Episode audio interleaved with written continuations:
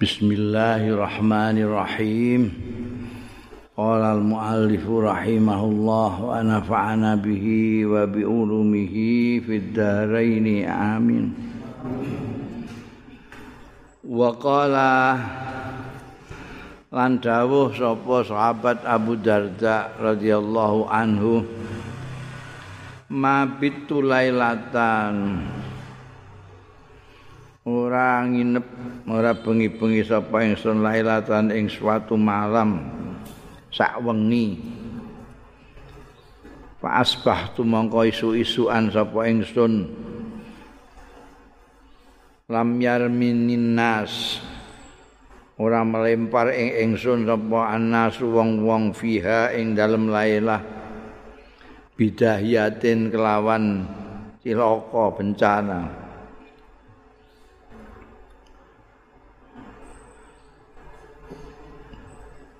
illa raaitu kejaba ningali sapa ingsun. Ing annalillahi setune iku kegagungane Gusti Allah. Alaya ing ing atase ingsun fiha. Ing dalem lailah nikmatan ana kenikmatan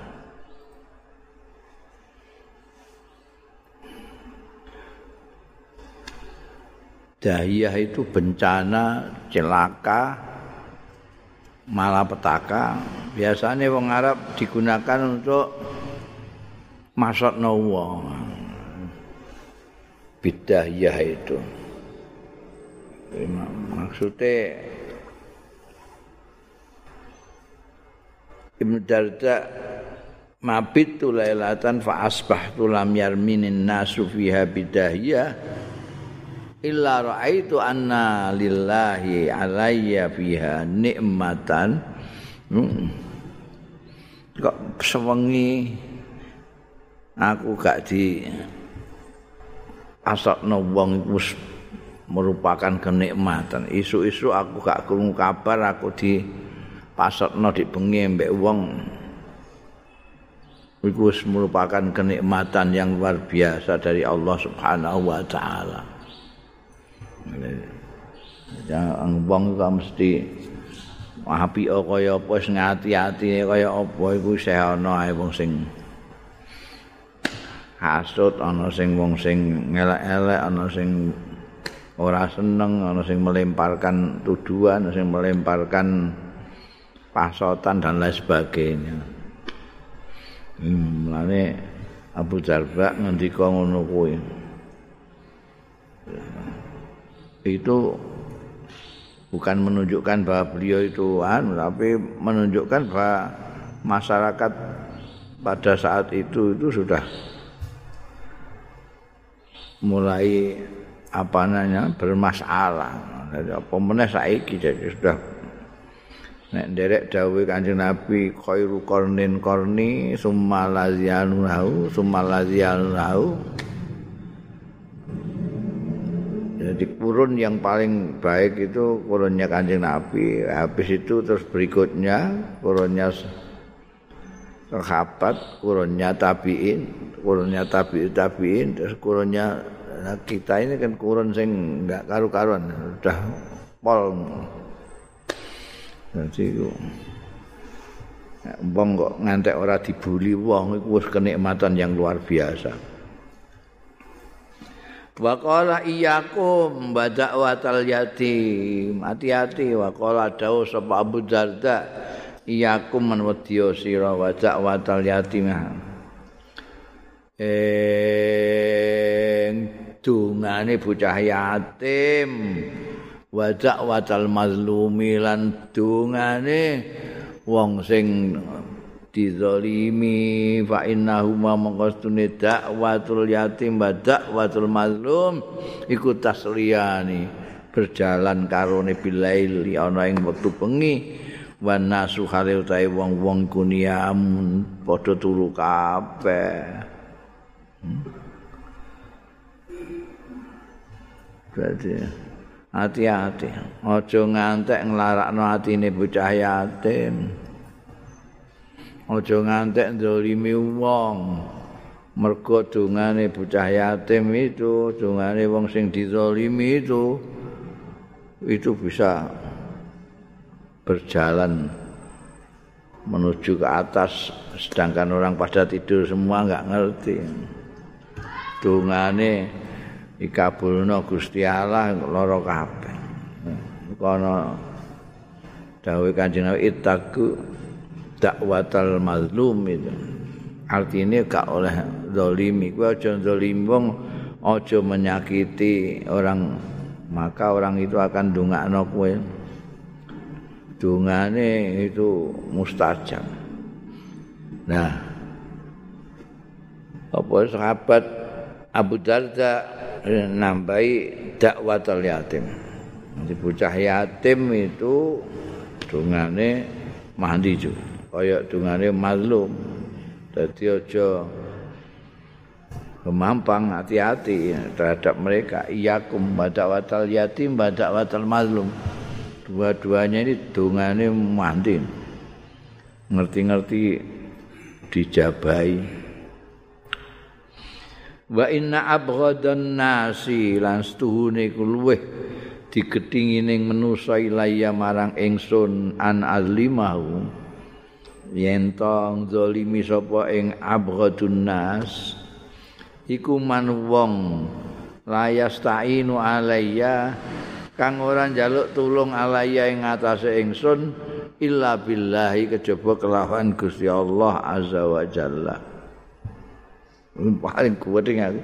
Duwe ana aku itu paling gedeng artinya tak siriki tenan tak siriki tenan aku gedeng ora banget eh tak siriki ora bakal tak lakoni aku mergo benci tahu kecentok ndolimi wong sing njaluk tulung melawan aku nganggo Gusti Allah. Baik. Jadi tak saya tak sirik ya, aja ngantek. Aku zalimi wong sing ndekne ora njaluk tulung karo sapa-sapa, njaluk tulunge karo Gusti Allah. Iku meh memper karo iyakum wa da'watal mazlum. Iki medeni soalnya. Mane paling tak gedhingi ya, aja tak siriki tenan. Nek aku paling kudu ngeplak wong ngono ya ngeplak sing njaluk tulunge mbek polisi. njaluk tulunge mbek bapake ngono ya. Njaluk tulunge mbek bupati ngono. Nek njaluk tulunge mbek Gusti Allah iku medeni wong. Wa qala laula salasa khilalin ahbabtu alla abqa fid dunya. Dawene kata-kata mutiaranya lagi sahabat Abu Darda laula salasa khilalin lamun kok ora telung perkara. La ahbabtu yakti demen sapa ingsun Allah apa yang ora tetep sapa ingsun fi dunya ing dalem dunya. Kok umpamane gak ana telu iki, aku gak pari seneng urip ning dunya iki. Ana telu iki dadi aku seneng ning dunya iki.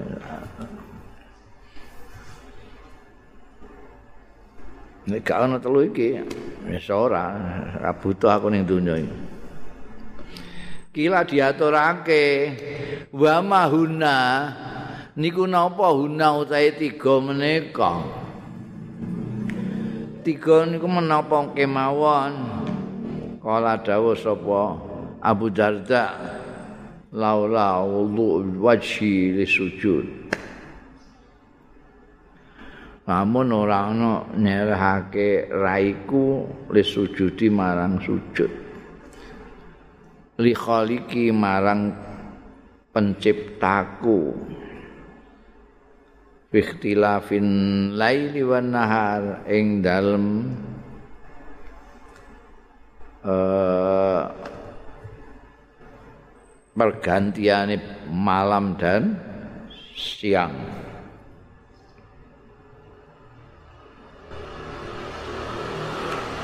wa ma'al hawajiri lan ngelake wektu awan panas banter. Ngelak orang ngombe mergo poso. Wa wa muqa'adat aqwamin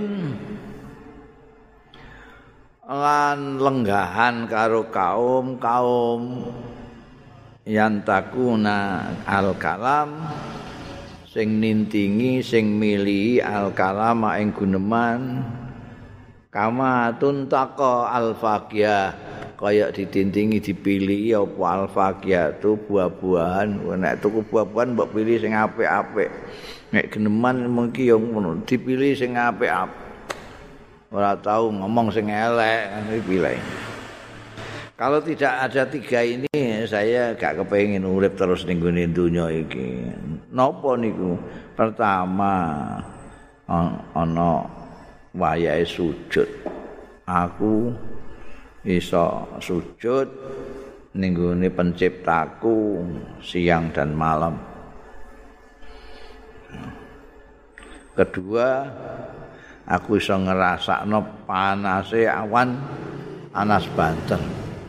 Dalam kondisi ora iso ngombe. Jadi iso poso itu menyebabkan beliau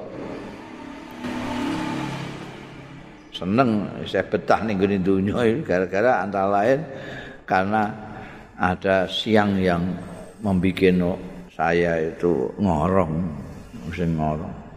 Yang ketiga, saya bisa duduk-duduk bersama orang-orang yang genemane dipilih sing apik-apik. Kaya wong nek ning pasar tuku buah-buahan milih sing apik. Sing elek ora gelem. Lha iki aku seneng kumpul karo wong sing omongane dijaga, direksa, dipilih sing apik-apik. Ora kok diobral barang dengah diomongke sing elek-elek barang ngomongnya nggak jelas barang ngomong niku saya ngomong elek iku ya kebiasaan, kebiasaan nek nek ora terus gatelen nek gak ngomong elek. Nah sing kanca-kancane Abu Darda ini gak kaum sing dipilih nek geneman sing apik-apik. Ora gelem geneman elek. Ya wa lan dawuh sapa Abu Darda, "Ma fil mu'mini bad'ah ahab ilallahi min lisanihi." Ora ana ing dalem seorang mukmin. Bid'ah utawa bid'ah.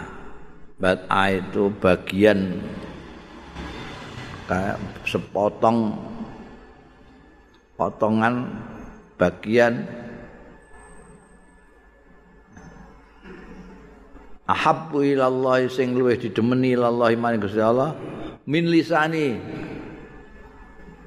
ngungkuli saking lesane mukmin.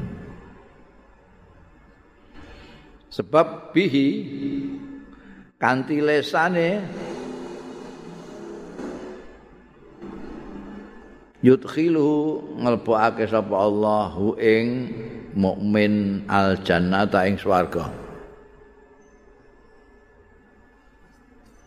Wa ma fil kafiran ora ana bareng. Fil kafir kang ana ing dalem wong kafir.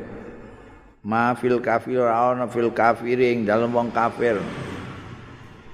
Bat atun utawi secuil potongan abghadu sing luwih digedhingi ilallah maring Gusti Allah min lisani tinimbang lesane kafir.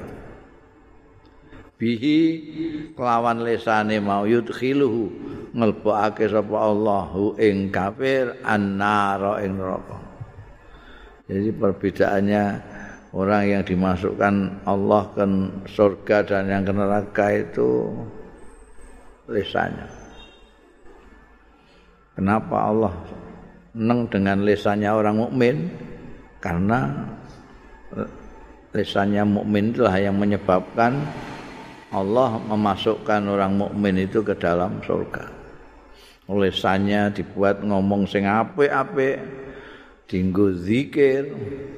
Eh? Ora tahu dinggo ngomong elek. Zikir ngomong apik, zikir ngomong apik. Itu yang menyebabkan orang mukmin masuk surga. Beda sama orang kafir ngomong elek. lesane elek. Wis ngupuri Gusti Allah. Eh? Jadi ora percaya ambekan akhirat. Jadi orang kan nggak percaya dengan kehidupan kedua itu kehidupan di akhirat ya ndak ndak terkontrol apa namanya kelakuannya itu omongane kelakuane ora terkontrol. Karena dia merasa merasa tidak akan ada apa-apa Tidak akan ada konsekuensi apa pun dari perilakunya, dari omongannya. Jadi ngomong sak ngomong-ngomong sak jeplak. Melakukan perbuatan sak karep-karep dhewe mereka. Karena habis ini sudah menurut mereka kan gitu. Itu kalau orang mukmin. Orang mukmin itu percaya dengan hari akhir, percaya dengan hisab, percaya dengan pertanggungjawaban. Jadi bertanggung jawab orang mukmin itu menjaga lisannya, menjaga perbuatannya. Hmm. Wa qala lan sapa Abu Darda la tahqiranna aja nyepelekno tenan sira saean ing suwi-wiji minasyari saking kejahatan saking keelekan an tatakiyahu ing yen to menghindari sira ing saean wala saean lan setitik minal khairi saking kebagusan antaf alau yen to nglakoni sira ing syai'an. Qala Allah Ta'ala Dawu sapa Gusti Allah Ta'ala Ya'mal mithqala dzarratin khairan yarah wa may ya'mal mithqala dzarratin syarran yarah Mongko sapane wong ya'mal Sing ngamal ya man miskola dzarratin ing sak bobote zarrah. Zarrah itu saiki dimaknani atom. Anu kecil sekali zarrah itu nek mbiyen dimaknani semut pudak itu. Semut pudak itu sing piye rupane. Nek ana gendeng kaca iku sinar matahari turun ke bawah. Jret, iku ketok. Mau ada benda kecil-kecil, mau semal. Nek ini gak ketok. Nek disentrong matahari, tapi biar ini omahku niku ono. Jadi ono gendeng kaca. Liyane peteng iku ana nek ana matahari terus nyentrong ngisor sut ada sinar bawah. Iku ning kene kemepyur itu. Ketok kemepyur nek gak ana sinar gak ketok ini kan ada benda zarah pirang-pirang ning kene tapi gak ketara saking lembutnya begitu diserong sentrong mbek matahari baru ketok Nek pengen delok ya ning gone iku sing duwe apa? Duwe gendeng kaca matahari. Yang semrawut kecil-kecil itu itu yang zarah. Orang modern menyebutnya atom, atom. Selembut itu, jadi gak ketok. Dia mata begini gak ngeliat. Nah, gue nek gak nganggo sorot srengenge ya nganggo kaca brenggara nganggo pembesar itu ketok kecil-kecil. Siapa yang melakukan segitu itu aja, miskola zarah sabobote zarah khairan yang kebagusan. Ya rahu bakal ningali yoman hu ing khairan. Wa may ya'mal miskola zarratin syarran yarah angka bakal weruh sapa man hu ing syarran hu ing syarran ini kalau orang mukmin itu karena percaya dengan ini dengan dino akhir jadi jadi hati-hati. Dawe sahabat Abu Darda jangan kamu itu meremehkan sesuatu yang buruk meskipun kecil sekali untuk kamu hilangkan. Jangan sampai Allah kejahatan kecil aja kok. Wis masalah. Jangan jangan sepele no. betapapun kecilnya itu kejahatan kamu harus berusaha untuk tatakiyah untuk menghindari untuk menjaga dirimu. Jangan jangan sepelekan karena kecil. Jangan kamu remehkan karena remeh. Lah mau ngene tok ayo miso tok ngono ayo. Miso tok. Malah mau ngono tok ayo. Sering kali kita itu karena merasa itu tidak ada apa-apa dianggap kecil menganggap kecil sesuatu kejahatan. Lalu tidak dijaga. Ini pesannya luar biasa. Pesannya sahabat Abu Darda, jangan sekali-kali meremehkan sekecil apa pun kejahatan itu. Tetap kudu menjaga. Demikian pula sebaliknya, jangan meremehkan kebaikan yang kecil. Allah ini kok tak kayak ngomong lah Jangan. Sebab sak zarah saja, tak apa zarah saja kita akan melihat nanti. Mayakmal miskala zarratin khairan yarah. Mayakmal miskala zarratin syarran yarah. Makanya kita ini tak dalile sih saniki, ngandak sak dalile. kadang-kadang kita itu mau melakukan kebaikan itu karena merasa kecil. Ah ngene kok. Ora dilakon itu jangan jangan sampai. Karena sekecil apapun yang kamu lakukan kalau itu kebaikan ya Allah kamu akan khairan ya Allah kan kan ana tamu gak ndek gula. Nyugoi terus masuk nyugoi teh pahit cah cah. Serau sahai nyempelek no kadang-kadang teh aja ya gak duwe. Nyugoi banyu.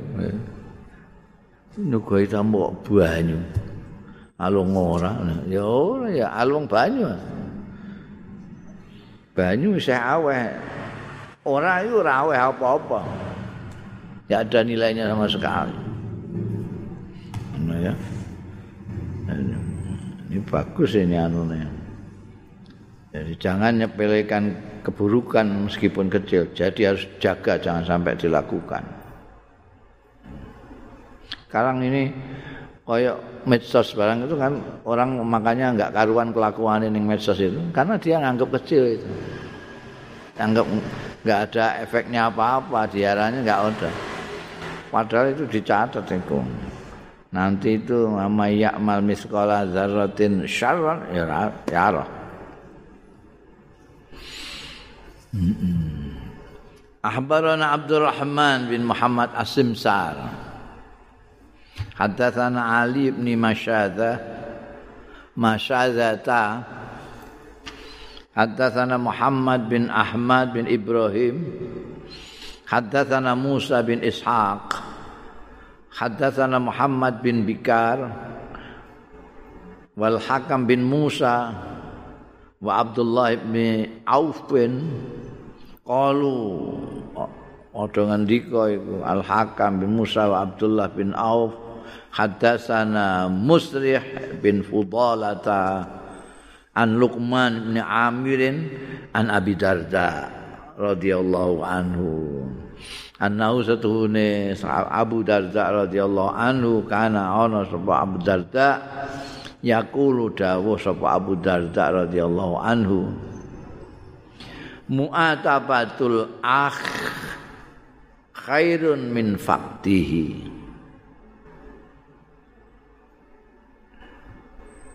Oh, ini apik juga itu kata mutiara. Mu'atabatul akh.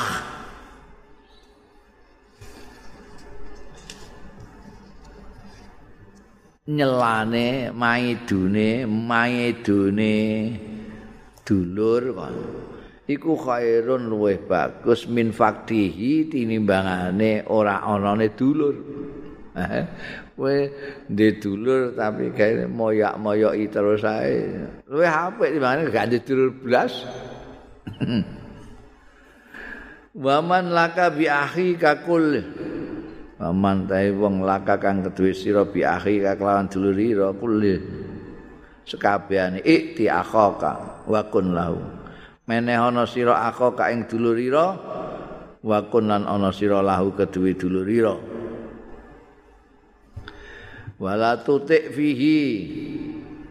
Lan aja ngetutno kowe aja aja manut. Wala tutik lan aja manut aja taat sira fihi ing dalem akhoka khasidan wong sing hasud Fataku mongko ana sira. Taku mongko ana sira iku mislahu. Ngumpamani hasud mau. Godan yakti kal maut. Besok nyatika nekani ing sira pal mautu pati? Payak fika mongko nyukupi ing sira apa fakdu ora anane dulur. Tupkihi nangisi sira ing dulur badal maut sakwise mati ne wa fil hayati lan ing dalem urip. Mabtai barang. Kotarok takang teman-teman tinggal sira fadlahu ing keutamaane dulur. Ah niku mek dulur. Eh dulur iku apa jenenge? Bagaimanapun juga. Itu penting. Gak dulur itu ora ana sing maidu kowe gak ana sing ngritik kowe kan alung duwe dulur ngritik lah tapi ndek dulu timbangane ra ndek dulu Nabi ndek ini anu lanan apa jenenge jalukan ya ben eh? Jaluk gak apa-apa. Jaluk idulure ya ayo. Aja ngantek kowe iku malah ngetutno sing wong sing hasud ning gone dulurmu. Melok-melok kowe dadi wong sing hasutan ana sing ngasuti dulurmu ya. Nek iso kandhane nek gak iso aja kowe melok-melok. Aja melok-melok. Kowe dadi wong kasut juga dulurmu misale kok bejo terus ae, bejo terus ae. Ngono iku ana. Kowe dhewe iku sing joge dulure kan ya cah iki kok. Dah nyekel apa-apa kok mesti berhasil. Kowe kok gak berhasil. Eh? Pada-pada dodol iku. Nek dodol es kok terus laris. Aku lagi buka udan deres Jadi ngono iku Jadi terus ana sing kasut karo dulurmu, kowe terus melok-melok ya. Iya. Pancene dulurku ngono iku. Sugih sithik mletene ra karuan terus ngono bareng. Eh mumpung dekne saya urip ku iso iku elenge gak kowe iku bareng mati lagi kowe kelingan nek dulurmu ku apik ya Allah. Dulurku kae.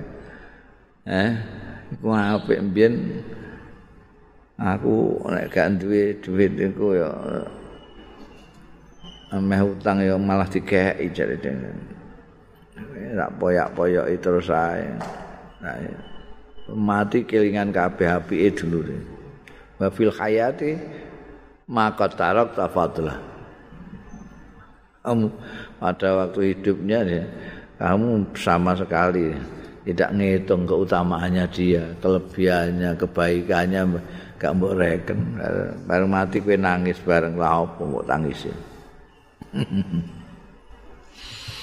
Bunda Abu Darda dawa dhewe pembakasan yo.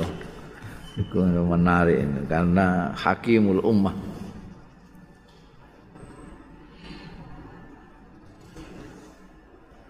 Sekarang tokoh lain Zikru Amr bin Absah As-Sulami radhiyallahu anhu.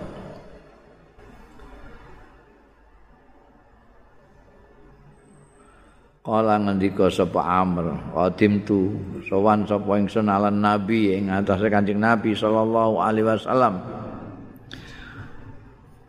Falaqaituhu mongko nemui sapa ingsun ing Kanjeng Nabi sallallahu alaihi wasallam bi ukaz ana ing ukaz. Ukaz itu semacam pasar di Mekah itu. Dulu tempat bukan hanya dagangnya orang dari mana-mana. Kalau musim haji itu setiap tahun itu itu orang dari mana-mana datang ke pasar dunianya ya di Ukaz itu. Di situ orang-orang Arab dari berbagai kabilah dari beberapa wilayah datang dengan membawa macam-macam. bukan hanya dagangan keahlian syair. Untuk tinggu guguan ngarep senengane guguan Dene wani ning gone ukas kono ya ora mau trimo dodolan dagangan tapi juga dodolan keahlian bersair, keahlian apa jenenge? Eh kesenian Arab sing nggo pedang barang ngono kae. nanti didu antara kabilah sama kabilah. Terutama soal syair itu. Soal syair itu. Karena apa? Karena syair itu merupakan budaya yang sudah sangat tradisi. Apa namanya? Di hampir semua orang hampir semua orang itu bisa bersair meskipun tidak semuanya penyair. Karena bisa bersair beda dengan penyair penyair-penyair yang hebat itu yang di ukaz itu cara kene ini dikeploki wong akeh no.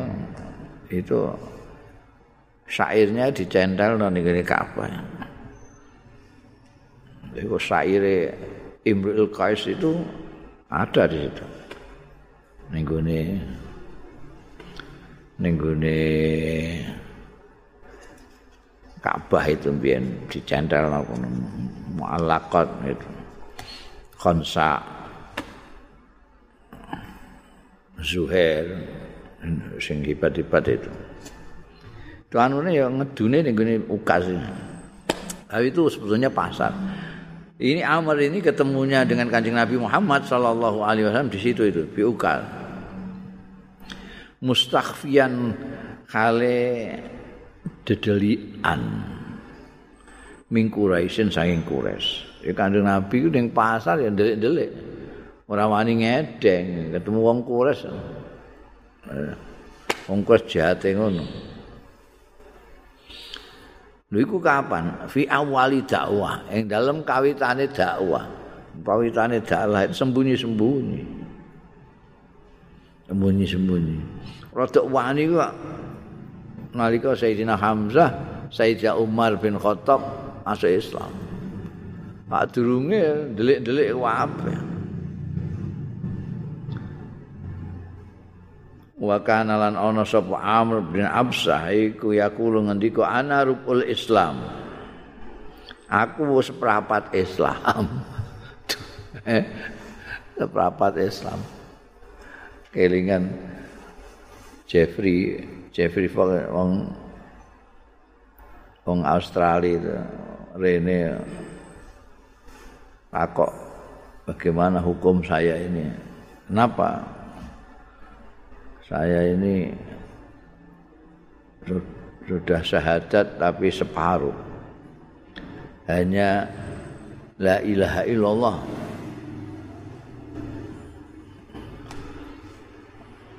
Itu gimana saya cari aku ya kamu setengah Islam setengah Islam itu dua-duanya ya gimana kamu kok kok hanya la ilaha illallah Muhammad Rasulullah enggak Ya, saya belum sempat mempelajari Muhammad, baru mempelajari Allah. Jadi, pelajari Allah di sini. Enak kowe ora usah mempelajari apa-apa cukup-cukup. Syahadatain ae. Wong iku dipelajari bareng. Enggak lama terus di nelpon kok Australia gimana? Saya sekarang sudah komplit. Hmm. Gimana kalau saya mengucapkan syahadat lewat telepon boleh enggak? Boleh aku syahadat. Syahadat Allah ilaha syahadat Tapi jangan bilang-bilang orang. Loh, kenapa? Soalnya saya belum bisa sholat. Apa nanti dibully orang ini wong Islam kok gak sholat. oh, batinku tunggalem akeh aku.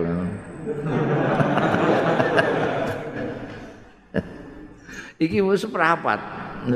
Oh, iso seprapat itu piye? Ketemu Kanjeng Nabi terus muni seprapat Islam.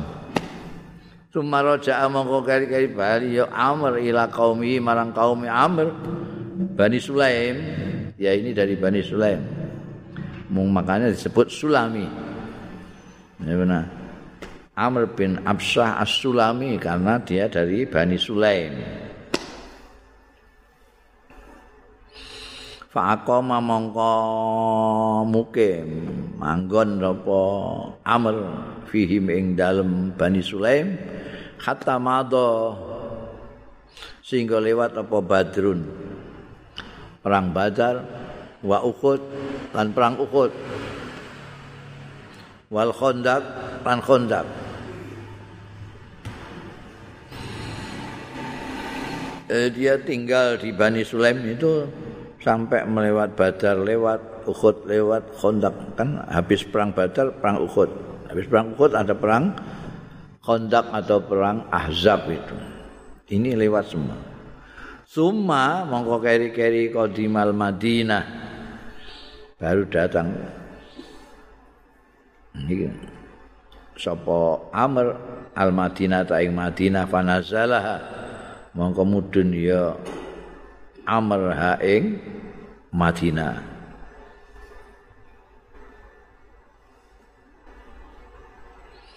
Wa kana qoblaan aslama lan ana sapa Amr iki qoblaan aslama sadurunge mlebu Islam ya Amr iku ya tazilu itu menghindar ibadat asnami ing nyembah brahala wa yarohalan berpendapat sapa Amr ha ing asnam ditingali dolalatan ingkang sesat. Jadi durung mlebu Islam itu ini wis gak gelem. Kaya liya-liyane nyembah brahala gak gelem. Mergo dia menganggap itu sesat. Brahala kok. Jadi ada kecerdasan kamu wong ra iso apa-apa brahala gaweane dhewe kok disembah. Ngono ya. Durung Islam itu. menghidayai Gusti Allah itu uh, unik misteri misteri nek ndelok sejarah itu ada yang begitu ketemu kanjeng Nabi lalu masuk Islam kayak sekabat tahu bakal ono sing Islam itu justru sudah tahu bahwa itu kanjeng Nabi itu akan bawa Islam Sinting-inting kayak Siti Khadijah. Ada sing melok-melokan. Iki mergo pimpinane melok Kanjeng Nabi, ini melok. Ana sing modele kaya Khalid bin Malik Amr bin As. Dua orang ini selalu naik perang bean sapa ini selalu pemegang bendera kepanglimaan. Minggu ini perang Uhud itu sayap kanan Khalid bin Walid, sayap kiri Amr bin As. Lungun itu ini dua orang yang sangat cerdas-cerdas tapi musuhi kanjeng Nabi itu sampai perang Uhud. Bar perang Uhud dua-duanya sebarengan. Sowan Kanjeng Nabi untuk masuk Islam. Ono sing kaya Sayyidina Umar. Ditungakno Kanjeng Nabi Muhammad sallallahu alaihi wasallam. Ya Nabi ndonga niku ana Amr ambekan Umar. Amr itu Abu Jahal, Umar itu Umar bin Khattab. Kanjeng Nabi nyuwun salah satu dari Amrain. apa Umar apa Amr dua orang itu soalnya medeni wong loro-lorone ning anu wong Islam gak bisa bergerak ya Gusti Allah milih sahabat Umar bin Khattab untuk hidayah Abu Jahal meskipun dia tahu kanjeng Nabi itu tidak bohong tetap karena tidak dapat hidayah Ini kan akeh. Wong sing ngerti nek Kanjeng Nabi Muhammad sallallahu alaihi wasallam itu ndak bohong, tapi enggak iman kan akeh. Termasuk antara Abu Jahal. Ini dulu Islam wis gak gelem nyembah berhala lho. Kan dia secara naluriah ya tazil ibadat al asnam, mereka menganggap dolalah. Tapi kok gak gelem durung Islam. Kala Amr bin Absa, ata itu Rasulullah, sowan sapa ingsun Kanjeng Rasul sallallahu alaihi wasallam. Fakultu mau kematur sapa ingsun. Man tapi aka ala hadzal amr. Oh, pertanyaan iku. Tapi sapa ae iku tabi aka. Sing melok man ing sampean ala hadzal amri ngatasé iki perkara. niki sing agama sampean iki sing melok sinten? Sinten mawon sing melok sampean iki? Kala dawuh sapa Kanjeng Rasul sallallahu alaihi wasallam, "Khurun wa abdun." Lha sing melok aku wong merdeka ya ana, budak ya ana. Ora kok wong merdeka tok. Ora budak tok. Sing merdeka ya ana, budak ya ana. yakni sing merdeka iku yakni Abu Bakrin wa Bilalan. Mereka sudah masuk ketika itu sahabat Abu Bakar dan Bilal sudah masuk Islam. Bilal sebelum dimerdekakan Abu Bakar itu sudah ikut kanjeng Nabi Muhammad Sallallahu Alaihi Wasallam. Mulanya disiksa habis-habisan karo Umayyah bin Khalaf CS.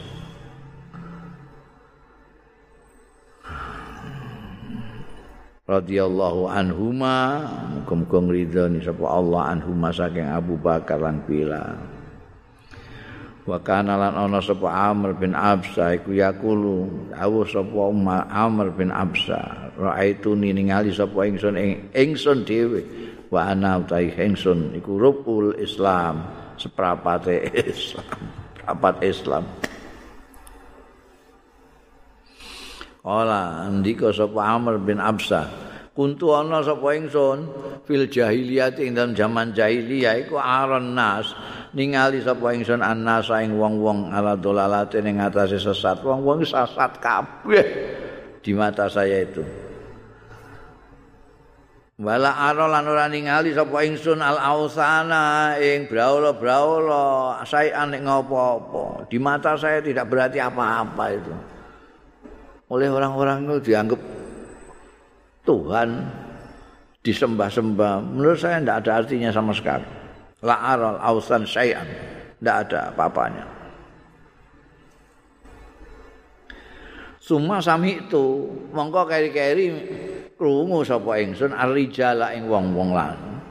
Yukhbiruna do ngabari ya rijal ahbaran ing berita-berita di Makkah ning Mekah aku krungu ning Mekah ana orang orang sing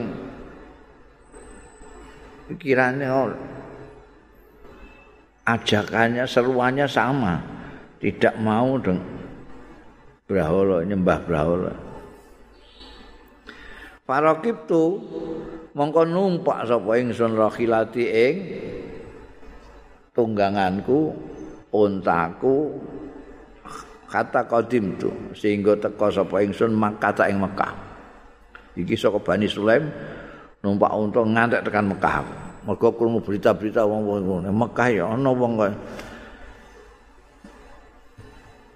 nggawa agama anyar ora gelem brahala. Aku terus mara ning Mekah faizan dumadaan Rasulullah sallallahu alaihi wasallam mustaghfin dedelian Iku mau padha ketemu ning ukas iku mau mustaqfin itu dedelian supaya ndak kelihatan orang. Am. Wa izan kaumu wa dumadaan kaume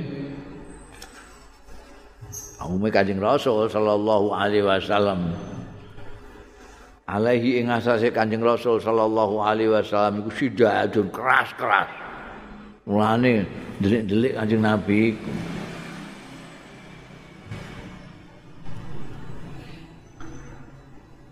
Patalat taftu mongko ngelembut sapa ingsun lahu marang Kanjeng Rasul ora banter-banter ngomong iku wong delikan. Padahal tu mongko mlebu sapa ingsun alaihi ing atase Kanjeng Rasul sallallahu alaihi wasallam. Pakul tu mongko matur sapa ingsun, "Ma anta." Niku napa anta utahe? Sampeyan niku napa? Ora sampeyan niku sinten? Sampeyan niku napa? Pakola mongko dawuh sapa Kanjeng Rasul sallallahu alaihi wasallam, "Aku nabiyun." Hai ana nabiyun, aku iku nabi. Kultu aku matur. Mana nabiyun? niku napa nabiyun? Nabi niku napa? Wala ngendika Kanjeng Rasul Rasulullah, nabi ku utusane Gusti Allah. Kultu matur sapa ingsun? Allahu arsalak utahe Gusti Allah iku asal kang ngutus sapa Allah ing sampean ora. Dawuh sapa Rasulullah sallallahu alaihi wasallam. Naam iya Kultu matur sapa ingsun. Bi ayyi syai'in arsalaka. Kelawan endi sesuatu arsalaka? Apa yang diutuskan kepadamu Bi ayi saen lawan gawa apa asal kang ngutus sapa Allah ing sira. Qala dawuh sapa Kanjeng Rasul sallallahu alaihi wasallam bi tauhidillah. Aku diutus kan ngandani wong-wong iku bi tauhidillah lawan nyuwijekake Gusti Allah.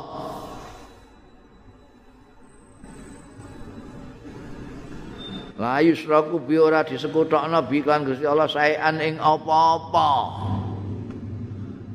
Ora kaya bangsa iku. Nandek semono akeh sesembahane. Aku diutus kok namung nyampekno wongku kudu namung nyembah Gusti Allah tok tauhid satu-satunya. Tidak boleh disekutukan dengan yang lain apa pun itu. Juga saya disuruh wakasril ausan untuk menghancurkan braula-braula sing sembahi wong-wong. Wasilatul rahim lan nepung sanak. Ora kaya adate budayane wong jahiliyah. Ora ngerti dulur, pokoke nek melarat ora dianggap dulur.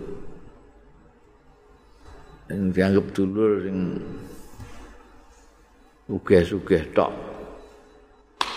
Itu silaturahim termasuk yang diperintahkan Allah untuk saya sampaikan kepada umat. Kultu bareng aku krungu terus tak takok-takoki macam-macam jawab ngono kultu matur sapa ingsun. Ini mutbiuka. Ini sedune kula niku mutbiuka melok jenengan. Kala dawuh sapa Kanjeng Nabi sallallahu alaihi wasallam. Innaka la tastatiu yaumaka hadza. Innaka stune sira iku latas tadi ora iso melok aku ya umaka ing dalam dina ira hadza iki wong iki aku ndelik-ndelik ngene kok walakin iki awal dakwah kan di permulaan dakwah Kanjeng Nabi sembunyi-sembunyi. Ora iso melok saiki. Walakin irji kowe balik sik ning Bani Sulaim. Ila ahli kamarang keluargamu engko fa idza sami'ta monggo tetkalane krungu sira bi kelawan ingsun qad zahartu teman-teman muncul sapa ingsun pertelo artine wis menang. Fal hakbi.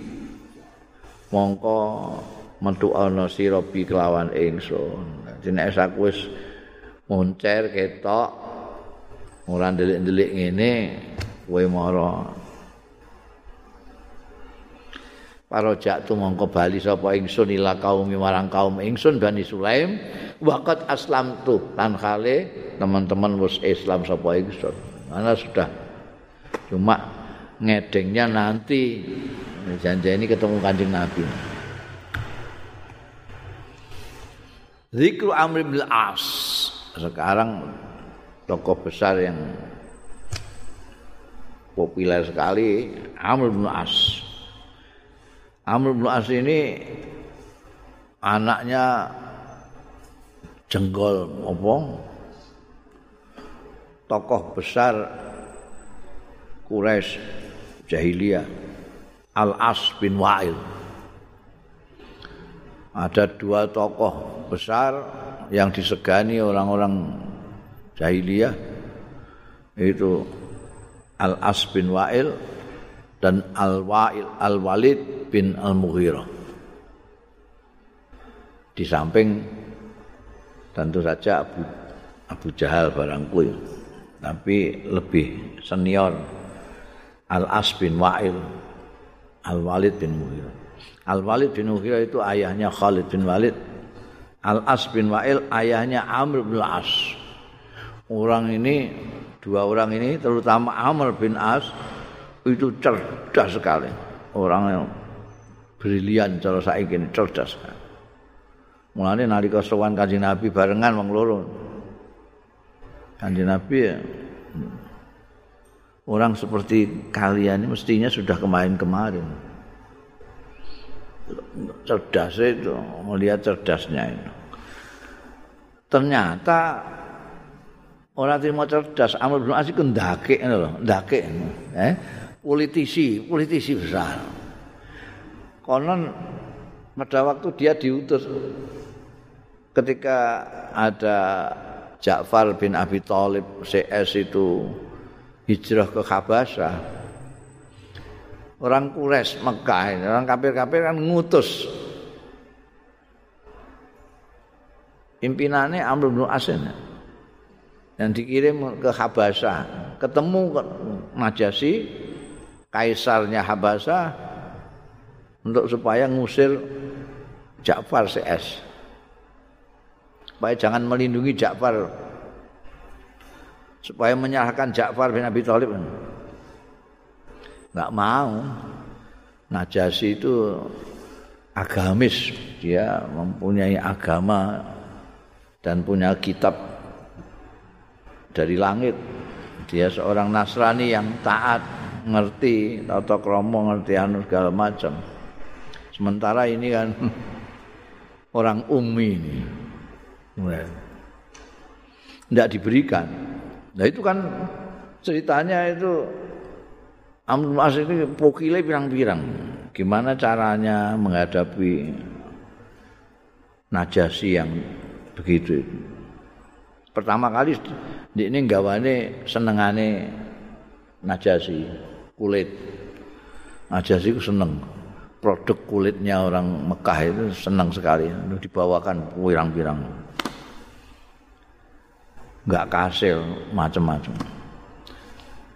Dan menurut riwayat ada riwayat yang mengatakan setelah melihat kekehnya Najasi mempertahankan Ja'far bin Abi Thalib CS ini itu menurut si jining riwayat Amr bin As ini sudah sudah masuk Islam, sudah candung pada Islam. Cuma enggak diberitahukan kawan-kawan rombongannya enggak ngerti. Amr bin As itu. ketika Sayyidina Ali perang melawan Muawiyah geger Muawiyah itu Amir As melok Muawiyah ketika ditanya kenapa kamu kok melok Muawiyah aku itu soalnya kepengen di dunia hasanah hafil akhirati hasanah aku nek melok Ali ku akhirnya tok sing hasanah iku Nek Muawiyah dunia barang iso hasanah, akhirat ya hasanah. Jadi ini ini melok Muawiyah. cerdas banget. Asad. Muhajiri Sahmi Maki yaitu termasuk orang yang melok hijrah orang dari Bani Syahm Maki orang Makkah. Kharaja ilal habasah. Ya iki riwayate kharaja ilal habasah metu ilal habasah ti marang habasah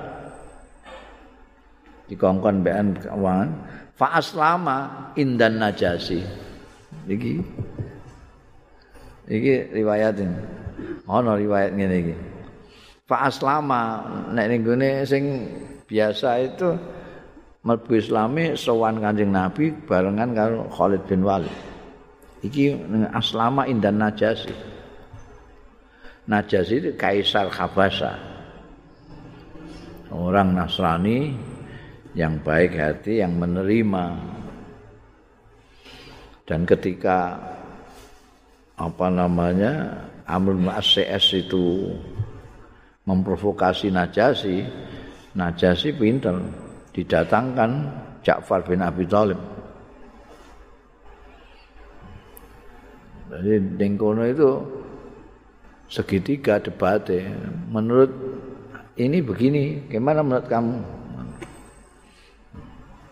Nah, Ja'far bin Abi Thalib itu oh ya, pintar juga menjelaskan apa yang disampaikan Rasulullah Sallallahu Alaihi Wasallam. Pintar Amr bin As ingin bagaimana supaya Najasi itu ngusir Ja'far bin Abi Thalib CS itu kan ini pengikutnya Muhammad.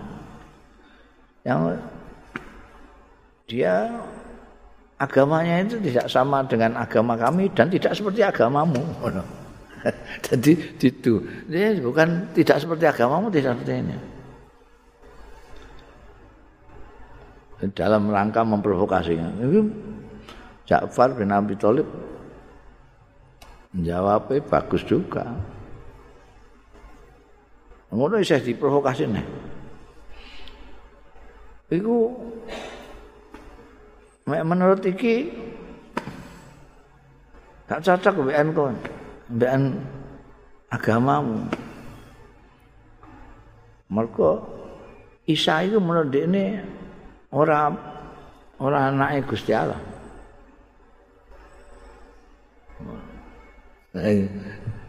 Iku Ja'far nerangno neh maca ayat ning Quran iku ruhullah. Iku iso taslim terus sampean Ja'far bin Abi Thalib Najasi itu. Ngene terus ketarik Amr bin Asik. Lha iki kok iki iki kan iki Endi iki?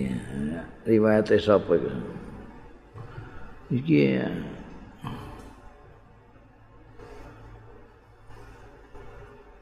bin Sa'ad. Tarikhul Kabir. Jadi nek menurut iki beliau Amrul As itu sudah masuk Islam indan najasi. Oleh arepe najasi fa akhadahu mongko nyekel malah ora ora sembuh fa akhadahu mongko nyekel hu ing amr bin as sapa ashabahu sapa ashabu? Ashabu kanca-kancane amr bin as yaiku kufaru quraish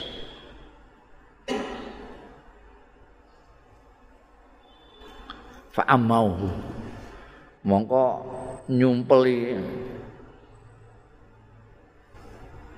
Paham pahamu itu yakni wadau nyelehno wong-wong kufar Quraisy mau ala fami ngatasé angkeme Amr bin As sauban ing dodot liamu ta supaya mati jadi pakaiannya dijejelno ning gone mulutnya jadi beliau itu nek menurut riwayat ini dikirim orang Quraisy untuk memimpin delegasi ini. Bagaimana caranya supaya Najasi mau ngusir para muhajirin seperti Ja'far bin Abi Thalib. Tapi ternyata nek menurut riwayat ini neng kono dia justru masuk Islam. Amrul As. Sehingga mek kanca-kancane dijejeli pakaiannya di ini. Maksudnya biar mati. Tapi fa'aflata. Fa'aflata mongko iso lolos sapa Amrul As minhum saking kufar Quraisy, ashabu kufar Quraisy mau. Mujarradan khale mujarrad. Jaradan iku ya tanpa apa-apa pakaiane dicekeli kono musae mau ndekne tangkem dinggo naleni cangkeme njejeli cangkeme. Ndekne ucul lolos. Mujarodan hale mujarad tanpa apa-apa itu apa mujarodan lolos mujarodan laisa alaihi kisruhu. Ang ora ana alaihi ing atase amrun as apa kisru pakaiane ae saubu. Dadi udo mau pakaiane dienggo anu ndekne bondo ndekne dienggo jejeli. Tutuke beliau jadi ini lolos diutus mblayu tanpa busana. Mujarodan itu ucul-uculan mujarodan. Hmm. tanpa apa-apa.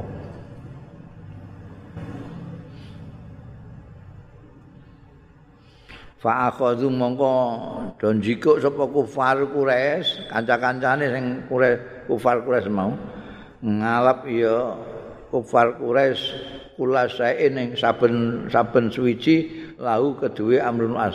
Eh, gawanane koper-koper jikuki kabeh. Mbek kanca-kancane.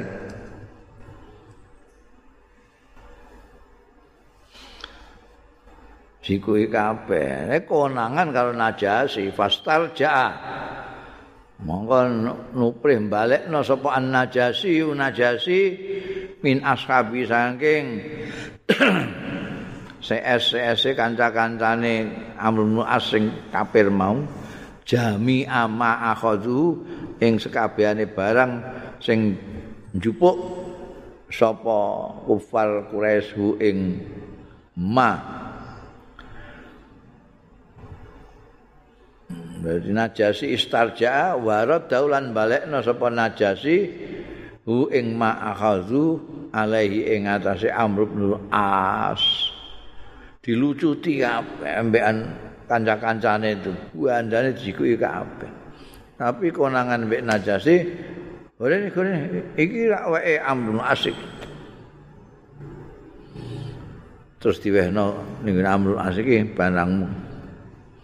Ndelok iki jadi aslama indan najasi ning ngarepe najasi memang. Iki ngono ya. Riwayat sing ngene Nah, iki sing saiki sing kedua ini. Kharaja huwa wa Khalid bin Walid kharaja miyas wa ya Amr bin As wa Khalid bin Walid Khalid bin Walid wa Utsman bin Talhah radhiyallahu anhum. Muhajirina khale padha hijrah kabeh ila Rasulillah marang Kanjeng Rasul sallallahu alaihi wasallam. Fabaya'a. Mongko biat sapa Amr Rasulullah ing Kanjeng Rasul sallallahu alaihi wasallam. Ala ayyaghfira lahu ing atase yen to ngapura ya Kanjeng Rasul sallallahu alaihi wasallam lahu marang bin As maing barang kana kang ana ya ana iku koblau sadurunge mlebu Islam. Jadi kabeh wong telu iku Khalid bin Walid, Utsman bin Talha iku ya langsung syahadat ngono ae. Mlebu Islam langsung syahadat. Nek Amr gak nganggo syarat. Kula tak kula mlebu Islam tapi nganggo syarat. Syaratnya apa? Nah, kula di Ngapura.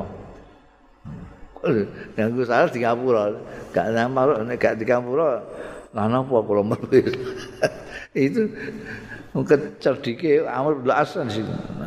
Ala ayah sampai keluar dawe Kanjeng Nabi. Faqala Rasulullah mongko dawuh sapa Kanjeng Rasul sallallahu alaihi wasallam innal hijrata setuhune hijrah iku tajubu maqablah menghapus maing barang qablah kang sadurunge hijrah. Nek sadurunge kowe hijrah iku wis ilang kabeh wis. Ngapura kok apa. Wah itu Amr dari orang yang memerangi kanjeng Nabi Muhammad Sallallahu Alaihi Wasallam menjadi orang yang sangat-sangat fanatik ya, menyintai kanjeng Rasul Sallallahu Alaihi Wasallam.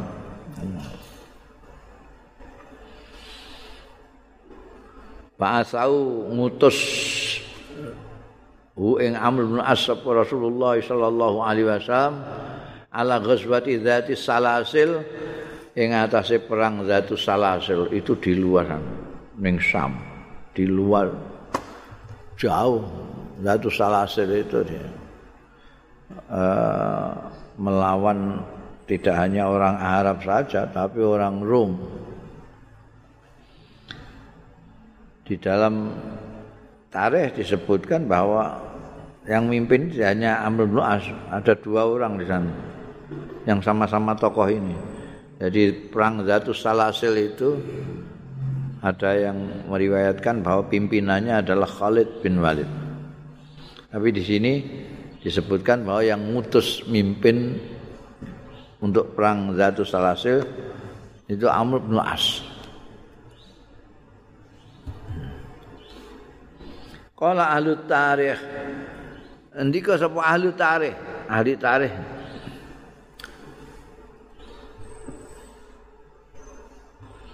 Karena Ono sapa Amr bin As iku yali Jadi Mali nih menguasai Misra ing Mesir mingki bali Umar bin Khattab saking arahe kepala negara Amirul Mukminin Umar bin Khattab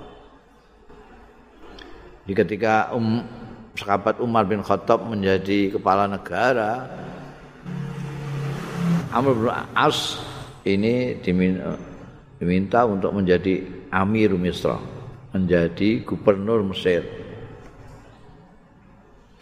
Wa kana lan ana sapa Amr bin As iku kathiras saum. Wakeh pasane. Jago perang, jago diplomati, tapi senengane poso. Tufia kapundut sapa Amr bin As bi Misra ana ing Mesir. Sanata salasin wa arba'in pada tahun 43. Yo. Dia ikut apa namanya?